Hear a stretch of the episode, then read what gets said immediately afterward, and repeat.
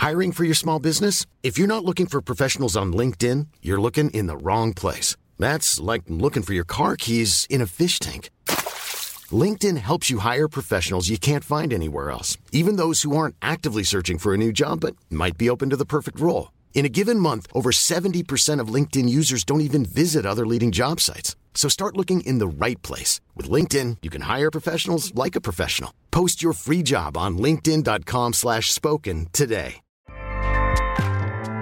ACAST powers the world's best podcasts. Here's a show that we recommend. The Real Housewives is a guilty pleasure for most, but if you're looking to not feel guilty about that pleasure, tune in to Everything Iconic with me, Danny Pellegrino, where I break down all the messy moments and behind the scenes antics of Bravo's popular franchise. And on Everything Iconic, I also interview celebrity guests like Kelly Ripa, Kiki Palmer, Drew Barrymore, Cameron Diaz, and more about their guilty pleasures, their past work, and so much more. So if you're pop culture obsessed and find yourself watching way too much reality TV like me, tune in to Everything Iconic with Danny Pellegrino wherever you listen to podcasts. ACAST helps creators launch, grow, and monetize their podcasts everywhere. ACAST.com. Det henger høyere å være råest i verden i motorsport enn å være råest i verden i skiidrett. Du vil heller være råest i verden i motorsport enn å være det i skiidrett.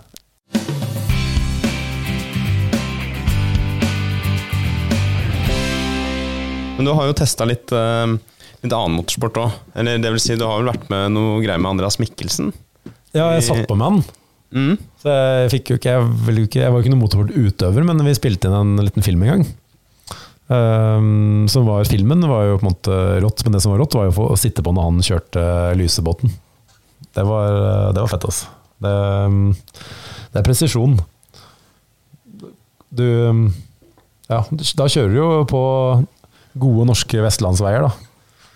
Som selvfølgelig var sperra for anledninga, og Andreas vet hva han driver med, men uh, ganske rally sånn sett. Er, det er en rå opplevelse. Jeg har sittet på med Mats Østberg en gang òg, for mange år siden.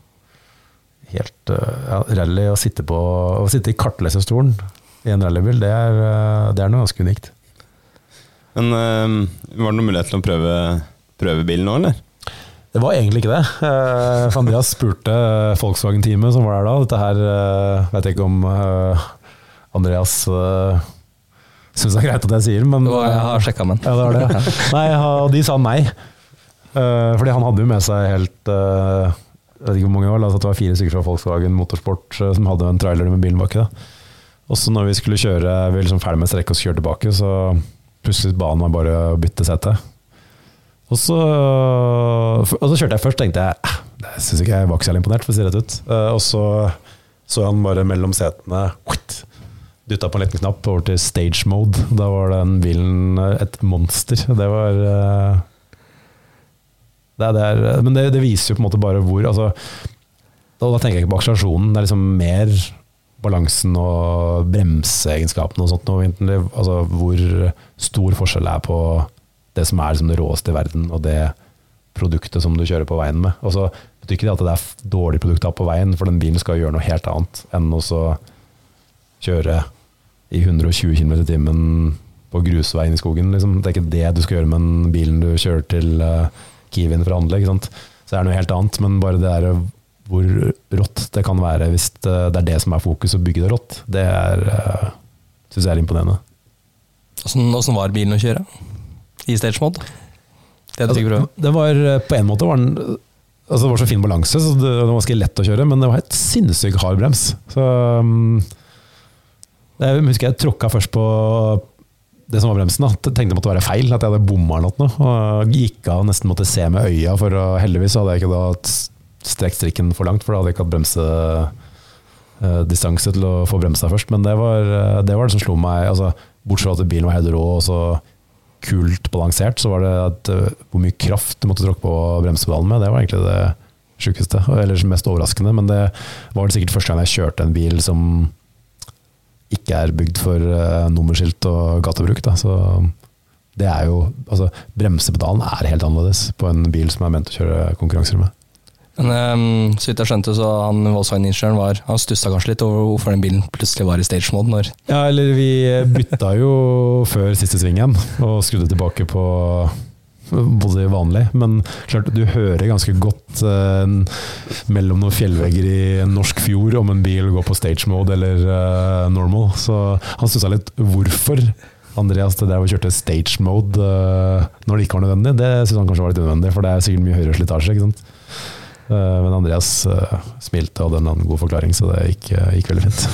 Men de opptakerne, det ligner litt på også det du gjorde med Verstappen oppi, oppi Kitzbühel her.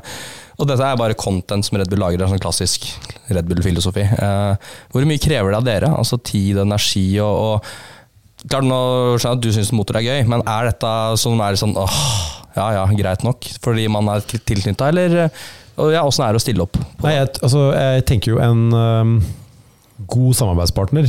øh, for det er jo litt det det blir for, øhm, for altså Hvis du er utøver som har Om det er motorsportutøver og kjører for Red Bull Motorsport, så er det jo på en måte det er mye mer enn en sponsor. Øh, og så er ikke det like ekstremt når du driver med andre idretter, men de idrettene som en sånn type aktør som Red Bull bryr seg mye om, så er du jo mer et samarbeid liksom, enn en sponsor. Du er liksom ikke noen sponsorplakat. Altså, du er jo selvfølgelig det også, men det er mye mer et samarbeid. Og da er det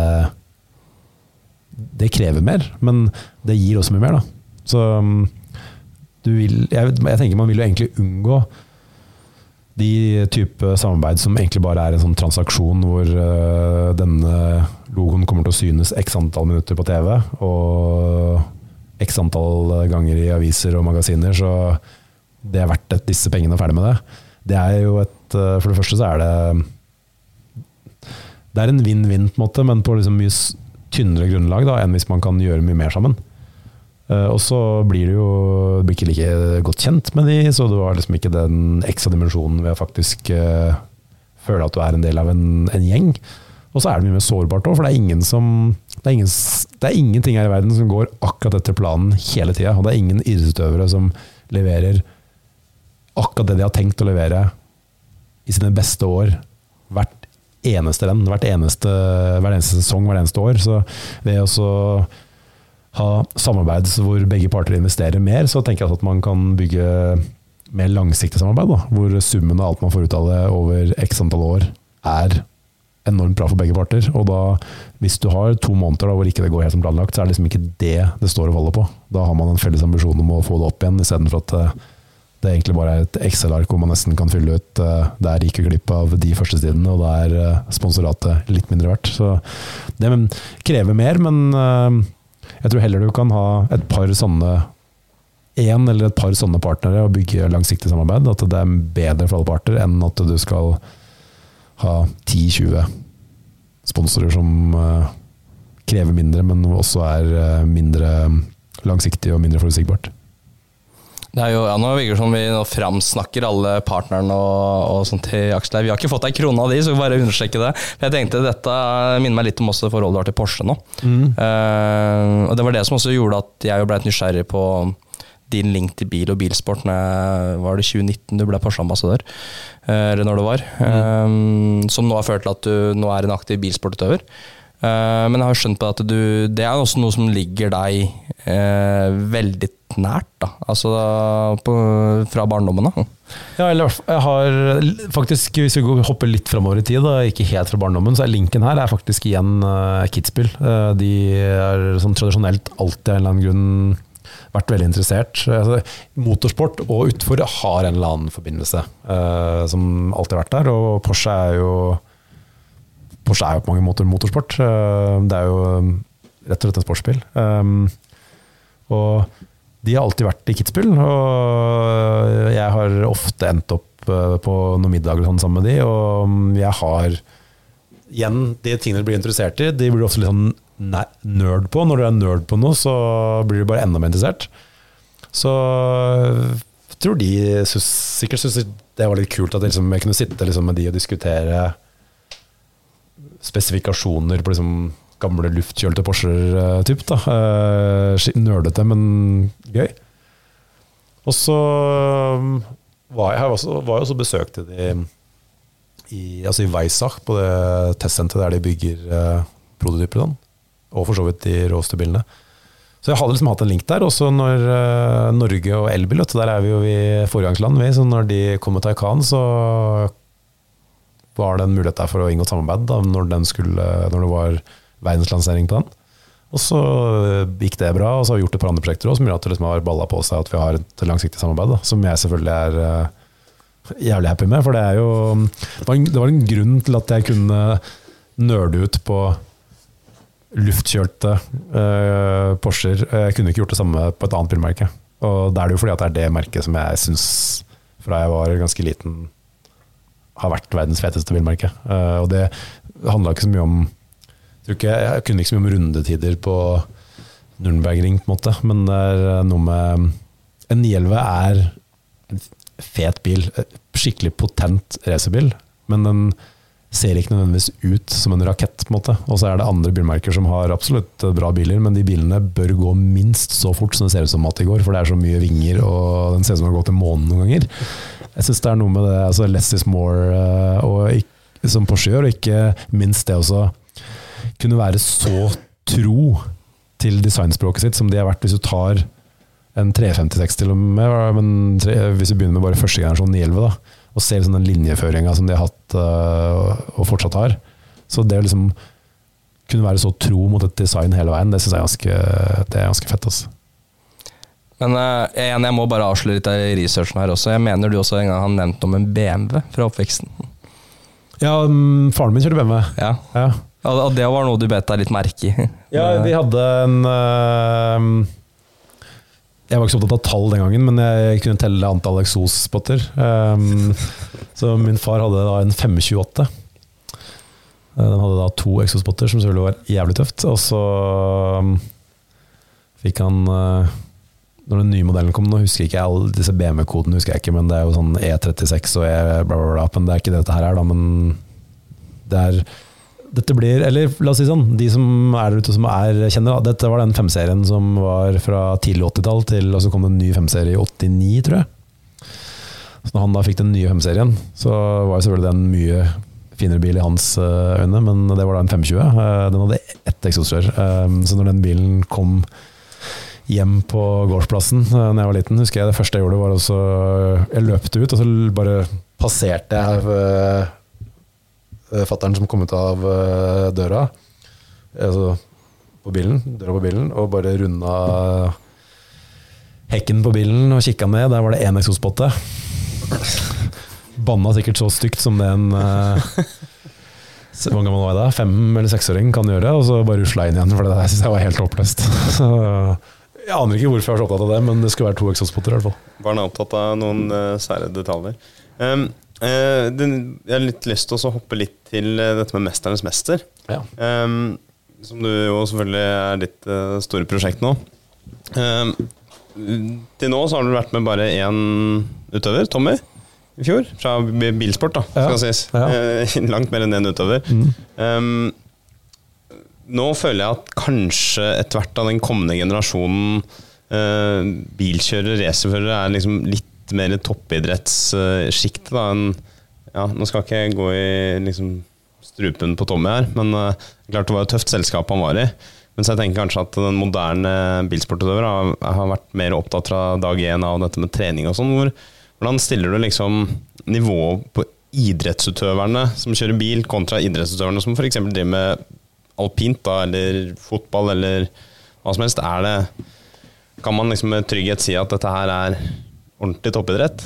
Ja, det, man kan med trygghet si at det er, helt, at det er ordentlig toppidrett, helt uavhengig på en måte av uh, hvor fort du løper, eller hvor mye du løfter, eller om du gjør det bra på 'Mesternes mester'. For klart, uh, det, det er ekstreme påkjenninger når du kjører konkurranser, uh, fysisk, men også mentalt. Og det mentale er jo en viktig bit, og en, særlig for en bilsportutøver, det er en helt rå bit av det å være toppidrettsutøver.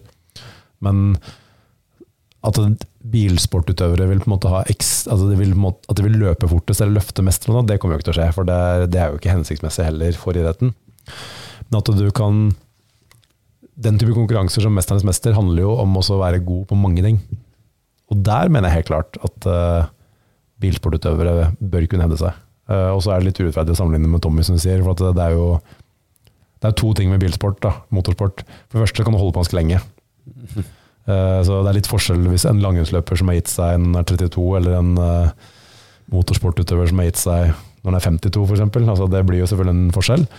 Pluss at det, som sagt, det er ikke hensiktsmessig at eh, en som sitter i en bil og kjører, selv om det også er fysisk anstrengende, skal aldri kunne løpe fra en friidrettsutøver. Det blir på en måte helt feil. Og vi kan ikke Det er veldig få eh, konkurranser som du kan eh, dytte folk opp i biler og kjøre om kapp. på en måte. Ja. Så det vil være lengre fra idretten. Mens, eh, men at man vil kunne hevde seg veldig veldig bra, det er jeg helt sikker på. For at det er sånn Så handler det jo også mye om problemløsning. Og der det, altså jeg bare tenker den multitaskinga. Du kjører gjennom en sving som gir x antall G.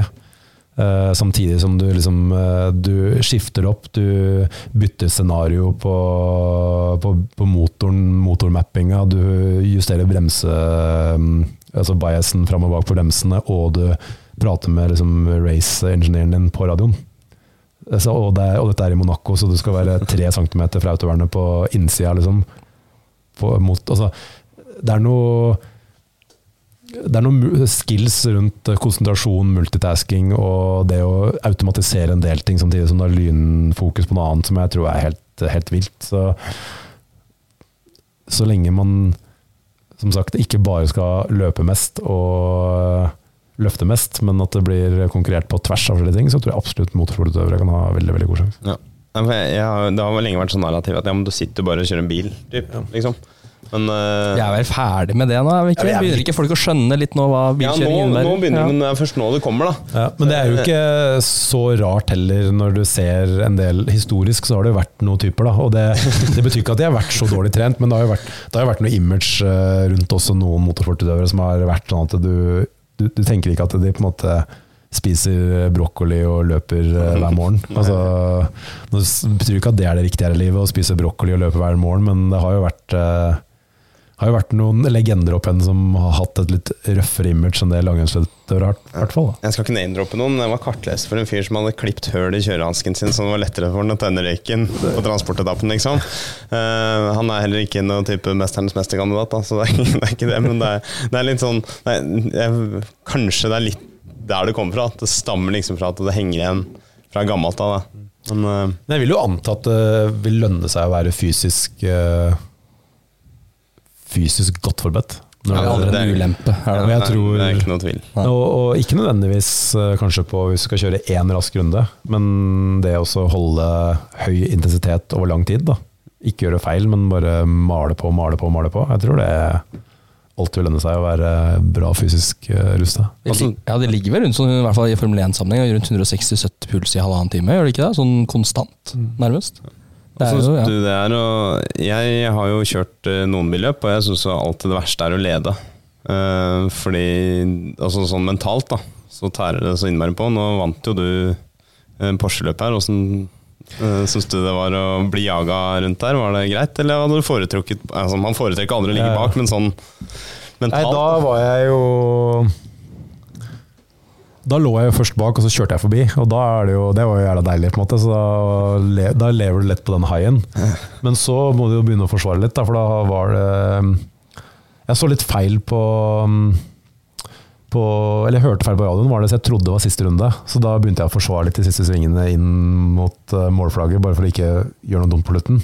Da kom jo han som lå nummer to helt opp i rumpa, men så var det én runde til igjen etter det.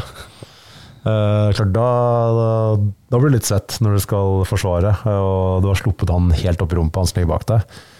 Men det siste jeg kjørte nå opp i, opp i Fellfors, oppe i Nord-Sverige, da, mm, for da hadde jeg pole position, og så begynte det å regne noe skikkelig på natta. Altså typ, det plaska ned.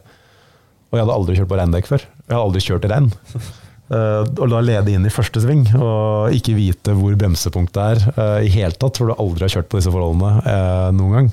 Det var litt eh, spennende, for å si det mildt. Da var jeg ganske, ganske nervøs. Hiring for your small business? If you're not looking for professionals on LinkedIn, you're looking in the wrong place. That's like looking for your car keys in a fish tank. LinkedIn helps you hire professionals you can't find anywhere else, even those who aren't actively searching for a new job but might be open to the perfect role. In a given month, over 70% of LinkedIn users don't even visit other leading job sites. So start looking in the right place. With LinkedIn, you can hire professionals like a professional. Post your free job on linkedin.com slash spoken today. Det var ikke hvem som helst som tok eh, rotta på deg på siste runde eller på det første løpet der, da. Nei, det var jo han, Carl Philip, han, han har jo mye mer erfaring. ikke sant? Han har kjørt, jeg tror han har kjørt tolv år jeg, med Carrera Cup. Ja, han har kjørt i mange år. Jeg husker jeg intervjua han en gang i 2008. Ja, Det er 14 år siden. Ja. Så- ja, han har kjørt, synes han hadde kjørt 12 år, for han har hatt eh, to års eh, pause, men han har kjørt 12 år. eh, Ja, kjørt litt rally har han gjort. Og, så han, ja. dette, han kunne dette bedre enn meg, eh, å kjøre på regn. Men uh, han er en kul fyr, da, for han Når vi første gangen eh, Måten det skjedde på, var at han eh, Han som er administrerende i Porsche Sverige, det er også han som er mye primus motor bak eh, Carrera Cup og Sprint Challenge også i Sverige. Så han Jeg vet ikke hvordan han hadde fått liksom tak i Hørt rykter om det, eller om han hadde gjort noe research, men han skjønte at jeg kanskje kunne kjøre ganske fort. Da. Så han, eh, Jeg møtte han i Tyskland på noen eventer her òg, men jeg, hvor han hadde infoen fra, vet jeg ikke. Men han ringte i hvert fall og lurte på om jeg kunne være interessert. Og sa at han hadde lyst til å sette på et team da, med, han, med han Carl Philip og Stenmark og meg. Og du, du sier jo ikke nei til det. Liksom. Det høres jo helt, det høres jo helt sjukt ut. Det var nesten så jeg trodde det var eh, skjult kamera. Ja, bare, bare for å protokollføre for folk som eventuelt ikke har fulgt med deg som kjører. Så vi snakker Ingemar Stenmark her. Altså en av Sveriges største idrettsutøvere gjennom tidene. Liksom. Ja, det er liksom Han og Bjørn Borg er liksom 56-årgangen som er liksom er, eh, Han er da den alpinisten som har vunnet flest worldcuprenn i historien. Eh, en av de største legendene Han er en av de største legendene i alpint, og en av de største legendene i Sverige. Og er vært eh, vært med på litt sånn driving experience hos Porsche og fått litt sånn eh, smaken på det. Og så er han ganske um, Han er ikke en fyr som er med på masse rart. Så um, Og så var han med på et par løp som gjestefører i fjor, og syntes det var veldig gøy. Sti- han og Stig Blomkvist faktisk var med på et par løp. Av alle ting. Rallylegenden. Stig Blomkvist tok det ganske pent på tørt, men så fort det ble vått, da begynte han å kjøre fort. Ja, selvfølgelig. Ja, selvfølgelig. Ja, ja. Men uansett, da. Og så mm, ja, Det tenker jeg dette her høres helt vilt ut, det må jeg bli med på, men det er jo ikke noe gøy. For klart når de gutta var med i fjor, så var de ganske dårlig forberedt, så de ble jo typ sist. Så sa jeg at det, vi må jo trene i hvert fall litt, sånn at vi ikke kommer til første løp og er liksom dritdårlige. Det er ikke noe gøy. Og så ble som sagt han Carl Philip med også, og han har kjørt masse. Så det Når vi kom til første trening, så var jeg selvfølgelig Første runde måtte jeg jo, hadde aldri sittet i en sånn bil før, men etter hvert så begynte jeg liksom å få litt taket på det, og da lå, fikk jeg liksom lov til å ligge bak han og kunne se litt på bremsepunkter og sånn. da. Det var dag én. Og så dro vi til Mantorp og skulle trene. Og dag to vi skulle trene. Da lå jeg bak Carl Philip eh, første, første økt vi kjørte. Og så økt to jo, så kjørte jeg litt fortere enn han. Ja. Da ble det slutt på å ligge rett bak. Eh, så det, vi har- bak deg i stedet. ja, vi har en sånn kul dynamikk da, hvor uh, han kødder litt, men samtidig så er det liksom litt alvor òg. Så jeg skjønte jo det når, vi, når det ble vått også på det siste løpet, at uh, når jeg så han kjørte fortere enn meg, så det var bare et tidsspørsmål før han kom til å prøve seg på en forbikjøring. og det hadde vært for dumt om vi to hadde krasja og liksom dratt ut der, så jeg var kanskje, jeg var kanskje litt snill da når han kjørte forbi, men uh, jeg tenker at det var ikke verken uh, tid eller sted for å liksom være for spiss med albuene. Han var raskere, og vi er det samme team, så vi kan ikke begynne å krasje med hverandre når vi ligger én og to. Jeg har sett smalere dører hvor folk har kjørt forbi før enn Ja, det- den Hornåla på siste runden der. Ja. Den var ganske ja. vid åpen, men eh, det, sånn, sånn må det nesten være. Og jeg har jo altså jeg, For meg jeg er superhappy, jeg har ikke gjort dette før, og så går det såpass bra, og jeg får liksom backing fra de som kjører faktisk noen som kjører Carrera Cup også, at de syns det er kult at eh, jeg er med, og at jeg gjør det så bra. Da. Og da, om jeg da begynner med én eller to Det er liksom ikke det som er det. Altså, for meg så handler det her om å lære litt også. også det viktigste er jo ikke krasje i andre sving og ikke få kjørt. Fordi når vi gjør opptak nå, så du leder jo Porsche Sprint Challenge Skandinavia. Yes. Det er ikke gærent, det? Det er ikke gærent. Hadde du forventa det etter to løp? Nei, Målsettinga var jo også å kunne ligge i feltet, og ikke være sånn at du bare ligger på halen av feltet og egentlig ikke er med. Det var målet. For det var det jeg syntes det så ut som de sleit litt med i fjor, at de ble liggende bakerst, og det er ikke særlig fett. da. Så um, det, være, det er mye mer spennende når du har biler liksom både foran og bak og på sidene. Så, um, og så har det gått uh, bedre forventa. Nå, det er fighting, men den fightinga skjer helt, uh, helt lengst frem i feltet, og det er fett. Men nivået her, åssen er det, er det liksom, du, har, du har noen unge, det er en sånn 16-åring, han Siverholm Nei, vet Ja. Siverholm, Han er en sånn 16-åring som kom fra noe formel i fjor. Ja. Og så er det noen andre som er kanskje litt mer gentlemans-folk. Er, det- er det den miksen den serien her Det er den miksen der, ja. Så du har noe, han Siverholm, som sagt, som er 16 år og han er, han, er, han er nok den som kjører raskest på én runde, men han gjør, noe, han gjør mer feil, da. Og så har du sånn som Carl Philip, som har kjørt eh, Var det tolv år vi var enige om? Med uh, Carrera Cup, som har masse erfaring. Og så er det et par andre også som har kjørt, eh, ikke så mye som han, men også kjørt en del Carrera Cup. Um, og så er det Resten er nok eh, litt mer sånn gentlemans uh, da. Så, um, sånn sett så er det Hvor i hierarkiet plasserer du deg sjøl på den skalaen her? jeg, jeg tenkte jo at jeg var Jeg tenkte tenker at jeg faktisk har blitt en hybrid mellom alle tre. Jeg er sånn gentleman's racer på den måten at uh, vi skal ikke drive og krasje og holde på noe. Altså det skal være liksom gøy for alle. Eh, og så er jeg uh, litt sånn som han sier òg, at jeg tenker at eh, jeg uh, ikke altså Gentleman's racer der har jo kanskje kjørt noe andre klasse før og er på vei nedover. Det tenker jeg, det er jo ikke jeg, for jeg har jo begynt her, på en måte, så jeg er på vei nedover. Så det går jo ikke. Jeg må heller være litt offensiv og prøve å kjøre fort. Så der er du 16 år i huet, egentlig.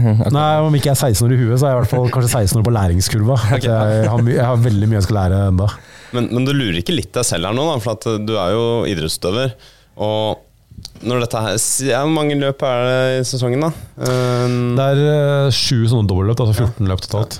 Så nærmer vi oss liksom siste løp, så er det, da, og det er tett om, eh, om sammenlagtseieren. Deg og Carl Philip er eh, Våkner ikke idrettsutøveren da, når det er liksom en, et edelt metall i, igjen da? Og så Det, det gjør det nok eh, kanskje, men nå skal det sies at eh, det er to løp i sommer som ikke jeg skal kjøre. Eller to ganger to, så fire. da. Så det mm, er vel ikke noe Det var egentlig aldri målsettinga at vi skulle kjøre alle løp og liksom kunne vinne mesterskapet. Eh, Men klart, eh, jeg kjenner det allerede allerede nå, når, selv om jeg liksom sl egentlig slapp han Carl Philip nesten forbi der på et eller annet tidspunkt, så var jeg litt irritert òg, at jeg ikke klarte å holde han bak meg. Altså, mm, så absolutt, det var helt rett.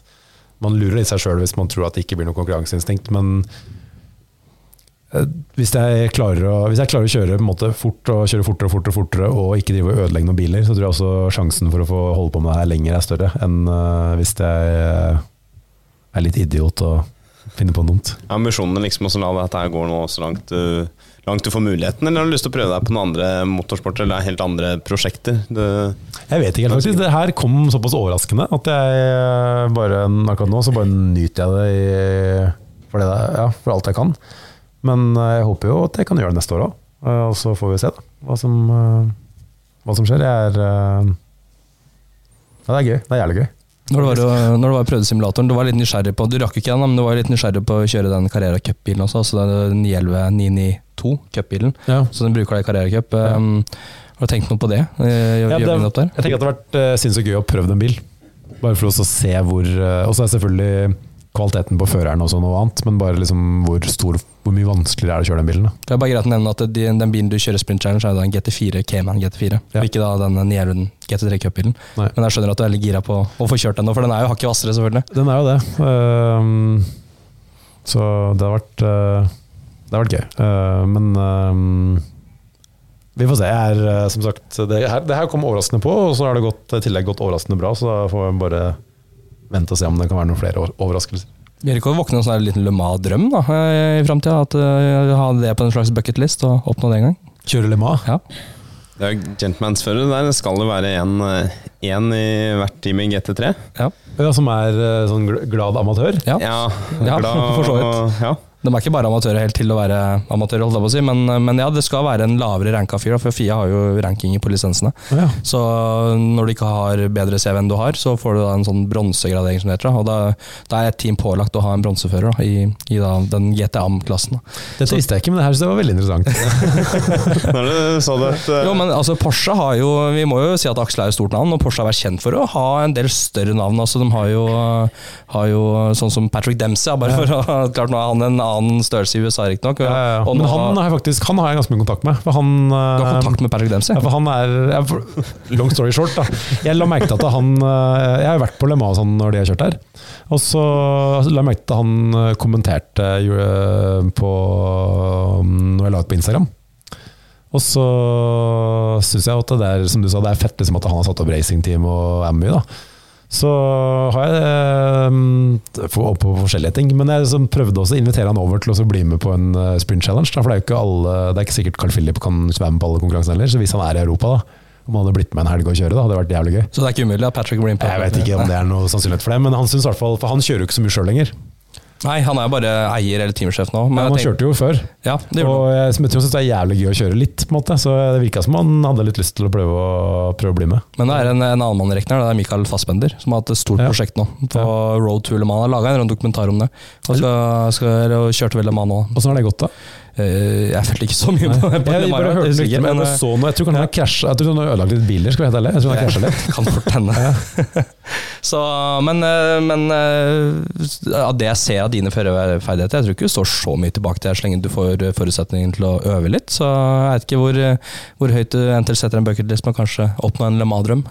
Ja, dette, som sagt, dette var ny informasjon for meg, så jeg må prosessere det litt eh, først. Men det høres jo Du får sove litt på det. Jeg må nesten uh, litt mer enn én natt, tror jeg. Nei, at, uh, men det hørtes jo fett ut, da. Men det er jo det er da tre, bil, eh, tre førere på én bil, ikke sant. Mm. Ja. Da er, tøft. eh, da er regelen i GTM at du, du skal ha minst én bronsefører, og så supplerer man gjerne da Kan ha en da, såkalt gullfører, som den solsen er jo da i gullrankingen. Ja. Eh, og så sølvførere, det er gjerne de som da er litt yngre, som ikke har etablert så stor CV ennå, men som er lovende talenter. Eller gullfører som kanskje er med på vei ned igjen. Okay. Så, men du må i hvert fall ha eller, Jo, regelen er vel du må ha en bronse og en sølvfører, eh, og så er det valgfritt å ha en gull eller ikke okay. i den klassen. Mm. Spennende. Så, så nei, altså jeg, jeg, kunne, jeg bare ser for meg deg på Loma. Ja, ja. Spread the word, så jeg bare får det ut Men, men da tenker jeg at da, da vanker det en liten sånn lite sånn eh, gjeste, gjestebillett til oss, da, hvis at du tar den veien i og med at eh, vi planta frøet. Det var dere som planta frøet, ja. Ja. Kanskje podkasten her burde gå på tysk? Ja, kanskje. Ja, vi fikser en, vi fikser en tysk oversetter til å Ja, ja, ja. skribere på det her, så får vi spredd den. Så. Nei, men, men eh, i hvert fall når du har altså Porsche og Le Mans hører jo sammen. Absolutt. Så mm, det burde jo definitivt Kult øyeblikk, forresten. Jeg var der um, når, når ble dette her, da? Jeg var der to år på rad. Så, så Porsche kom med den nye Åh, Hva er det som er LMP1, er det heter? Ja, 919 919 var den siste jeg hadde. Ja. Ja. Så det første året så ble det vel nummer tre? Ble det? Når de var med første året. Og nå det burde sikkert vi kunne, men eh, jeg har faktisk ikke noe jeg tror først, For da kom de jo liksom litt sånn fresh inn i sesongen, og så år nummer to så vant de. Og så, da, og så vant de også år, år nummer tre, for at uh, Toyotaen Den brøt sammen på siste brøt sammen runde. på siste runde. eller noe. Ja. Det lurer på om var i 2016. Ja, jeg husker ikke akkurat årsallet, men jeg bare husker et ganske rått øyeblikk når han uh, sånn der respekt uh, Når uh, Det var da første året, da. Ikke når Toyotaen brøt sammen, for da hadde jeg litt vondt av det, men året før. Hvor uh, du, for da var jo i garasjen til uh, Porsche, når de da kjørte mot seier på siste runden. Så da er sant, ledelsen, altså CEO og CFO, sant, du har også samme for Toyota da, i garasjen deres. Og så kommer da ledelsen fra Toyota rusler bort til eh, garasjen, garasjen til eh, Porsche og viser liksom respekt da, eh, på siste runden.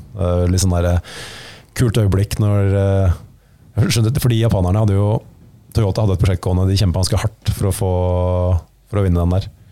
Men liksom kult øyeblikket når han toppsjefen til Toyota viser uh, respekt til uh, da Oliver Blome, da, som er toppsjef i Porsche, i, uh, inn på oppløpet der. Det var, det var kult. Det var sånn, sånn skal idrett være. Det er um, god stemning. Hvis du var der rundt i åra, så var det året før, mener hvor Nico Hulkenberg hva var med å vinne. Det var i hvert fall rundt det momentet før liksom, Toyota hoppa inn. Men uh, igjen uh, har ikke vi årstallet helt i huet. Ja, Nå skal jeg passe på litt, jeg også, så for at her går det litt, uh, litt i surr. Men det er et, apropos, Vi snakka mye om Formel 1 nå, men det å dra til Le Mans faktisk som tilskuer, det, er, uh, det er rått, altså. Men har du reist dit da, i hvilken måte, regi har du da, er det da Red Bull igjen som har sørga for det, eller har det vært andre nettverk rundt deg som har eh, gjort at du har hatt mulighet til å da har det faktisk vært for um, litt connection her, og en del av de som jobber tett med Red Bull, men som ikke nødvendigvis er ansatt i Red Bull, men som gjør, gjør mye rundt Formel 1 og sånn for de, de gjør også veldig mye rundt eh, Porsche Motorsport. Blant annet da på Le Mans. Da. Mm. Så ja.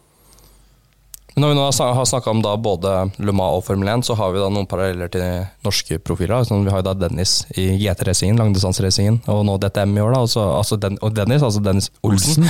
og så har vi Hauger i formelbil, Formel 2 nå. Um, og dette er jo, ikke sant, og da Hauger har jo selv. Samme connection til både Red Bull og Porsche, sånn som du har. Eh, og så Olsen da, selvfølgelig med sin Porsche-link. Hvordan er din link mot disse to norske bilsportgutta igjen? Eh, Dennis Hauger kjenner jeg litt. Ikke veldig godt, men litt. Eh, Dennis Olsen kjenner jeg egentlig ikke. Det, handler litt om om man møtes, måte. Ikke sant? Eh, det er jo ikke sånn at Norge er lite land, det er ikke så lite at man kjenner hverandre automatisk fordi at man driver med idrett begge to eller har en annen felles connection. Men, så Dennis Olsen kjenner jeg ikke, men Du tar ikke en prat med han hvis du møter ham på butikken tilfeldigvis? Liksom. Eh, vil- Jeg har sagt hei, kanskje, og så ville det kanskje ikke vært det, Dette vet jeg ikke, faktisk, helt. Men uh, Dennis Hauger kjenner jeg litt, i hvert fall. Så um, han er jo altså, Nå har jo folk fått opp øya for hva han driver med, på en måte. så jeg regner med at folk etter hvert tar inn over seg at det er relativt stort, eh, det som skjer i Formel 2 nå, og det som har skjedd i Formel 3 um, i fjor. Så han er en råtass. Vi i motorsporten liker jo liksom å prøve å liksom sette ting i motorsport opp mot all annen internasjonal idrett. Da. Eh, og så har kanskje ikke alle like gode forutsetninger for det. Du har kanskje bedre forutsetninger fordi du har drevet med annen type idrett som har høy internasjonal status. Så hvordan vil du rangere det Dennis Hauger da gjør om dagen? Han øh, er jo i ferd med å nærme seg det absolutt høyeste nivået innen øh, det å kjøre bil. Altså kjøre noe som har fire hjul så fort som mulig rundt en bane. Og så er det alltid vanskeligere med motorsport, for at øh, det fins Den ultimate pyramiden er selvfølgelig liksom karting, formelracing, helt til du kommer til Formel 1. Men så er det jo For én, da. Formel 1 er Formel 1. Men hvor du på en måte i alpint så har du liksom World Cup eller OL eller VM på toppen. Eh, I eh, fotball så har du altså landslaget og spille for liksom en stor internasjonal klubb. Da. Mens går du på motorsport eller tennis, da, så har du liksom verdensrankinga di. Mens i motorsport så har du på en måte den pyramiden som Formel 1 er på toppen. Men så er det liksom, kall det sidepyramider, da, hvor du kan flytte deg sidelengs bort og nå en eh, pyramide inn, om det er GT-racing, eller om du stikker til USA og kjører eh, IndyCar, eller så gjør noe annet. da. Eller rally, for den saks skyld. Rallycross og rally. Viktig å ikke blande de to. Det fikk jeg lært deg av Tommy Eller jeg visste det, men det var andre som måtte lære deg av Tommy Rustad. Da det var- bestått her også. Ja. Nei, så, så, så det er litt vanskeligere i bilsport eh, å sammenligne på tvers av ting. Men når det gjelder akkurat Formel 1, så er det ikke så vanskelig, for det er det er liksom det ultimate. Og hvis du er i nærheten av å kunne slåss om et av de 20 setene der, da er du helt, helt i toppen i verden. Og det er ganske sjukt igjen. For alle, nesten alle har et forhold til en fotball. Nesten alle har et forhold til en tennisracket eller en golfklubbe. Og, ne og nesten alle har et forhold til en bil. Men de færreste i verden har snø. Så det er, det er en annen greie faktisk å kunne være med å kjempe om et av de 20 settene i Formel 1, enn det er også være topp 20 i verden i en vinteridrett. Det er eh, Så du snakker ned dine egne prestasjoner nå, er det det du sier? Jeg gjør I forhold til Dennis? Ja, men ja, nå skal han jo Han må opp først, før Ja, han får med deg? eller? Det vil si, han skal øhm, Om han må opp Det han gjør er rått uansett, så skal ikke jeg si at han må opp, men det handler jo om å prestere over tid. da. Og det, hvis, han, øh, hvis han nå viser seg jevnt over tid å være la oss si, best av Formel 2-kjørerne, eller topp to, topp tre, så er det jo mye politikk som gjør om man får Formel 1-sete eller ikke. Så vi kan liksom ikke la noe politikk og antall sponsorkroner ødelegge for uh, muligheten hans uh, muligheten hans for hva vi syns om han, på en måte. For han er helt rå uansett. Uh, og det er det som er litt negativt med, med motorsport, er at det er politikk. Og det, det er det ikke i, altså i tennis, da. Hvis du er nummer én på verdensrankinga, så er det nummer én på verdensrankinga. I, mot, I Formel 1 for eksempel, så vil det nok, hvis du kommer fra enten USA eller asiatiske markedet, så vil nok det være lettere for deg å få et sette enn når du kommer fra Norge. Dessverre. Sånn er det bare. Så Tom, Dennis må liksom være, han må være enda bedre enn en uh, asiatisk eller amerikansk konkurrent. Dessverre. har du møtt uh, Helmut Marko? Ja. Ja. Er han eh, så kald og eh, kjip som han eh, virker, eller er han eh, Han er nok ikke en type som lar eh, de, skal si de mykere følelsene ligger tett tykt utapå seg. Uh, det er han ikke. Og han, han, han, nok sånn, sånn, han sier nok det han mener uten å bake det inn i diverse. Så det er nok ikke en uh, På en dårlig dag så er det nok ikke den letteste å skulle forholde seg til. Det, um, Det, det kan jeg se for meg. Så du kan, eh, du kan se for deg presset som ligger på disse Red Bull juniorene, denne da antar jeg. Eh, Det kan jeg, det, men jeg tror nok i utgangspunktet det presset de legger på deg sjøl også er eh, De vet akkurat hvordan det fungerer. Men Ja. klart, eh, når du har litt den framtoninga som han har, så er det fort gjort å bli liksom gallionsfigur for det presset. Og det er ikke helt ufortjent, altså, det er ikke det, men de er nok veldig klar over at det er 20 setter, og that's it. Og det er ikke sånn at 20 skal ut hvert år og 20 nye skal inn. Det er kanskje null som skal ut, eller én eller to. Og klart, hvis det er fem stykker som skal inn, så blir det tett. Ja. Bare sånn, eh, Vi nærmer oss avslutninga her nå, egentlig. Det er jo dritkult å høre alt det du har å formidle, og ikke minst alt som har motorsport å gjøre. Det vi har prata om litt, Alex, som vi må innom, vi må ikke glemme. Vi, har snakket, vi, vi sammenligner mye opp mot hverandre her. Eh, motorsport versus annen idrett. Hva slags type utøver dette er. Og så har vi på norsk to, to litt ulike begreper på dette med sport og idrett. Mens i utlandet har man ikke nødvendigvis det. Hva, hva tenker du? Hva er sport, hva er idrett? Det syns jeg er vanskelig. Ehm, sportsbegrepet favner jo på en måte bredere enn eh, idrettsbegrepet. Det er jo litt sånn Jeg føler jo mange sammenhenger så blir det sånn at alt som er idrett, er også innunder sport. Men alt som er innunder sport, er ikke nødvendigvis innunder idrett. Så der har jeg egentlig ikke noe godt svar på. For at ehm, fra gammelt av så er det liksom fort å tenke at uh, hvis det handler om hvem som er eh, sterkest eller mest utholdende, eller så er det fort gjort å tenke idrett. Men idet du er mer kan du si, mentale egenskaper eller strategiske egenskaper, eller til og med utstyret har veldig mye å si, så er det fort gjort at det havner mer i sportskategorien. Det er selvfølgelig en sånn gammel måte kanskje å skille de to. Men de linjene føler jeg blir såpass vaska ut. eh, Så mm, hvordan det, hva som er riktig der, det aner jeg faktisk ikke. Men det høres så mye riktigere ut å si motorsport enn å si motoridrett. Det vet ikke jeg. Det, det, det høres litt sånn Motorsport høres så råere ut. Og det er ikke noe negativt. Men er, er det en diskreditering av motorsport å eventuelt ikke putte under en idrettsfane? Ja, kanskje, faktisk. Så det, er, liksom, det henger høyere å være tilknyttet noe som er- defineres som idrett? Nei, det vil jeg ikke si, men det er kanskje For jeg vil jo si det vil jo Det henger høyere å være råest i verden i motorsport enn å være råest i verden i skiidrett. Jeg vet ikke om Du vil heller være råeste venn i motorsport enn å være det i skiidrett.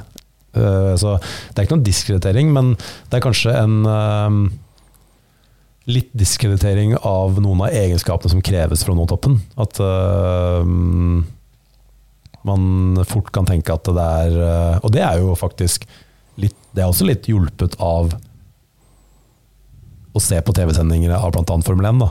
Så ser du jo Det er godt mulig at eh, Godt mulig at uh, Da tar Russell nå, da. Godt mulig at Russell er en bedre fører enn Carlos Sainz, f.eks.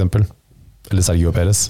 Jeg tror ikke han er bedre enn Leclerc eller Verstappen, men det er godt han er mulig han er bedre enn de to. Men han har ikke mer poeng nå for det. Og det er faktum. altså Utstyret tar ekstremt mye å si, og det har det i mange andre idretter òg, men det blir ikke så synlig som det blir i motorsport når du kjører runde på runde på runde, og du ser i samme TV-flamen så ser du den ene bilen gå fortere enn den andre. Det er ikke, teori, det er ikke liksom bare teori du får på mellomtider, men du ser det innen samme kameravinkelen. Da blir det ganske synlig. Hvor problematisk er det for motorsporten at både utstyr og ikke minst kostnader, da, forutsetninger ikke sant? at uh, Har du ikke stor lommebok når du er ung, så har du veldig få sjanser. Kanskje du har ikke sjanse i det hele tatt. Eh, hvor, hvor problematisk syns du det er uh, at motorsporten er sånn, eller må jo bare akseptere at motorsporten liksom er sånn? Jeg tror du må akseptere det, hvis ikke som, For du, du får ikke gjort noe med det akkurat nå, så da må du liksom slutte å like det. Så Sånn sett så må du bare akseptere det. Men jeg syns jo det er eh, synd. Eh, men det er jo ikke helt ukjent eh, i alpint eller f.eks. Hvis du tar liksom, de største skifabrikkene. Så hvis du er tysker eller amerikaner eller ja, fra et stort marked, da, så har du jo større sjanse til å komme tidlig inn og få en bra kontrakt og en bra servicemann, altså en tekniker, da, når du er ung, enn når du er fra Skandinavia.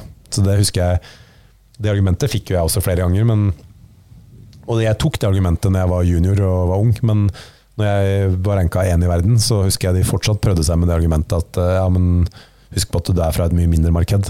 Eh, Og da blir da tenker jeg at nå er ikke det argumentet altså Argumentet mitt tilbake da var at eh, det argumentet er ikke gyldig lenger. For at idet du er Hvis du er best i verden, eller kjemper om å være best i verden, så er det internasjonal. Da er det litt ett fett om du er fra Norge eller fra Tyskland. da.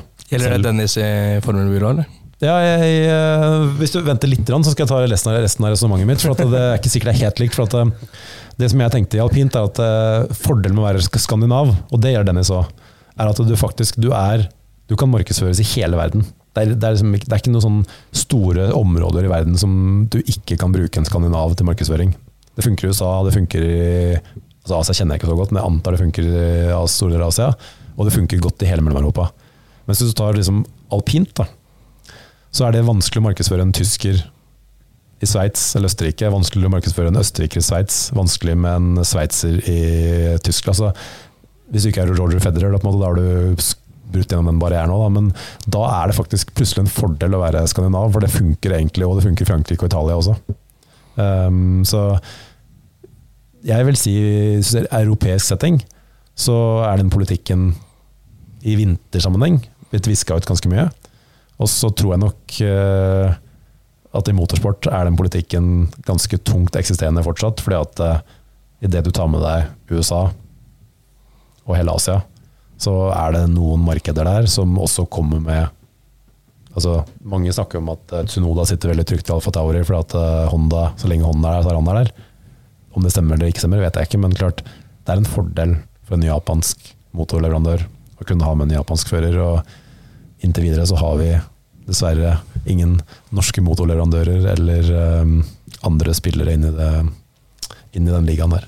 Jeg bare nevner på tampen når du nevnte dette med kostnader og dro inn alpint der. Jeg husker Berit Kjøll la jo fram i den rapporten for et par år siden, altså idrettspresenten, eh, hvor de hadde gjort undersøkelser på hvor mye da barne- og ungdomsidrett kosta. Og da var jo alpin den store, stygge ulven, hvor det kosta hele 45 000 kroner i snitt for en 16-åring å drive med alpint. Eh, Alexander, når du var 16 år og kjørte crosskart og skulle begynne med rally eh, Du hadde kanskje ikke så heftig satsing, men det var ikke noe problem å doble det der? i Nei, jeg klarte å bruke opp noen biler. Ja. Det er klart at eh, penga, penga går fort da, men eh, da er vi igjen litt inne i det sport-idrettsbegrepet, for da ble jo ikke motorsport tatt inn igjen ikke sant? i sånn type Ja, eh, barne- og ungdomsidrett. da. ja. Og at 45 000 i året var en hårreisende sum for å drive med idrett. Da. Altså det var liksom Og der, ak akkurat den sammenhengen der, så er det kanskje en fordel å ikke bli dratt inn i Ja, det, det- er ikke noe vits å synliggjøre det der for mye. Og det er jo, det er jo noe som er et problem i samfunnet på alle nivåer. At det er noen ting som ikke er tilgjengelig for alle. Men på den annen side så Det er jo helt umulig å gjøre motorsport tilgjengelig for alle. For da må jo, kan du kan ikke, skal, Samfunnet kan jo ikke betale for alle som har lyst til å kjøre, begynne å kjøre rally. Ja, definitivt. Så det er en del ting vi bare ikke får gjort noe med. Og så tenker jeg også at eh, det er ikke så mange det gjelder, på en måte. Akkurat, eh, I hvert fall i norsk, um, i norsk sammenheng. Da. Det er ikke så mange det gjelder at de har lyst til å satse på motorsport, men ikke får gjort det. Det så, så selvfølgelig er det andre ting som det er mer fokus på. Altså, det, det, er, det er mer fokus på å få en god nok utdanning, nok barnehageplasser, sykehjemsplasser. Og sånn, så i en sånn debatt så forsvinner jo litt um, fokuset på sportidrett.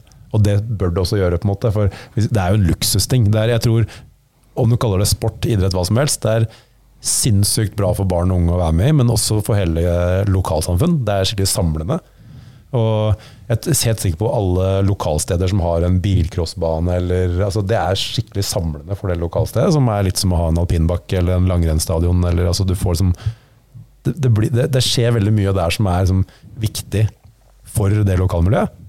Eh, Og det tror jeg er eh, det er, liksom, det er der magien skjer. Og da er det noen, deler, noen steder i landet så vil det være stor motorsportinteresse.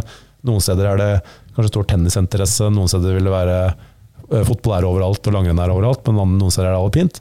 Og da er det lokale forskjeller, og det, det er sånn det skal være. på en måte. Eh, Vi trenger ikke prøve å overstyre det der for mye, tror jeg, og så vil det der spille seg ut på en fantastisk måte, og flest mulig får vært aktive. Det er liksom egentlig det viktigste. Og så er det noen som eh, kan bli en eh, Dennis Hauger, f.eks., og dra det så langt som det er mulig å dra det.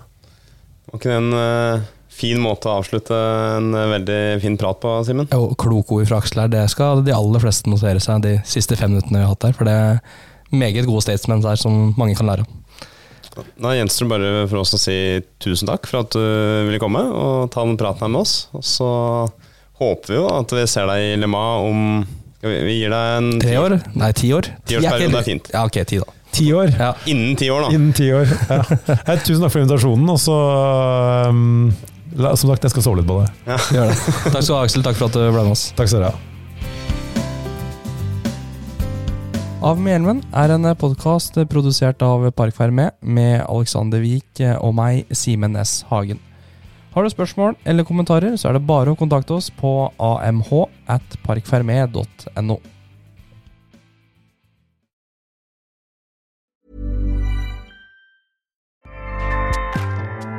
ACAST powers the world's best podcasts.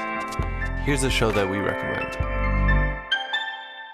The Real Housewives is a guilty pleasure for most, but if you're looking to not feel guilty about that pleasure, tune in to Everything Iconic with me, Danny Pellegrino, where I break down all the messy moments and behind the scenes antics of Bravo's popular franchise. And on Everything Iconic, I also interview celebrity guests like Kelly Ripa, Kiki Palmer, Drew Barrymore, Cameron Diaz, and more about their guilty pleasures, their past work, and so much more. So if you're pop culture obsessed and find yourself watching way too much reality TV like me, tune in to Everything Iconic with Danny Pellegrino wherever you listen to podcasts. ACAST helps creators launch, grow, and monetize their podcasts everywhere. ACAST.com.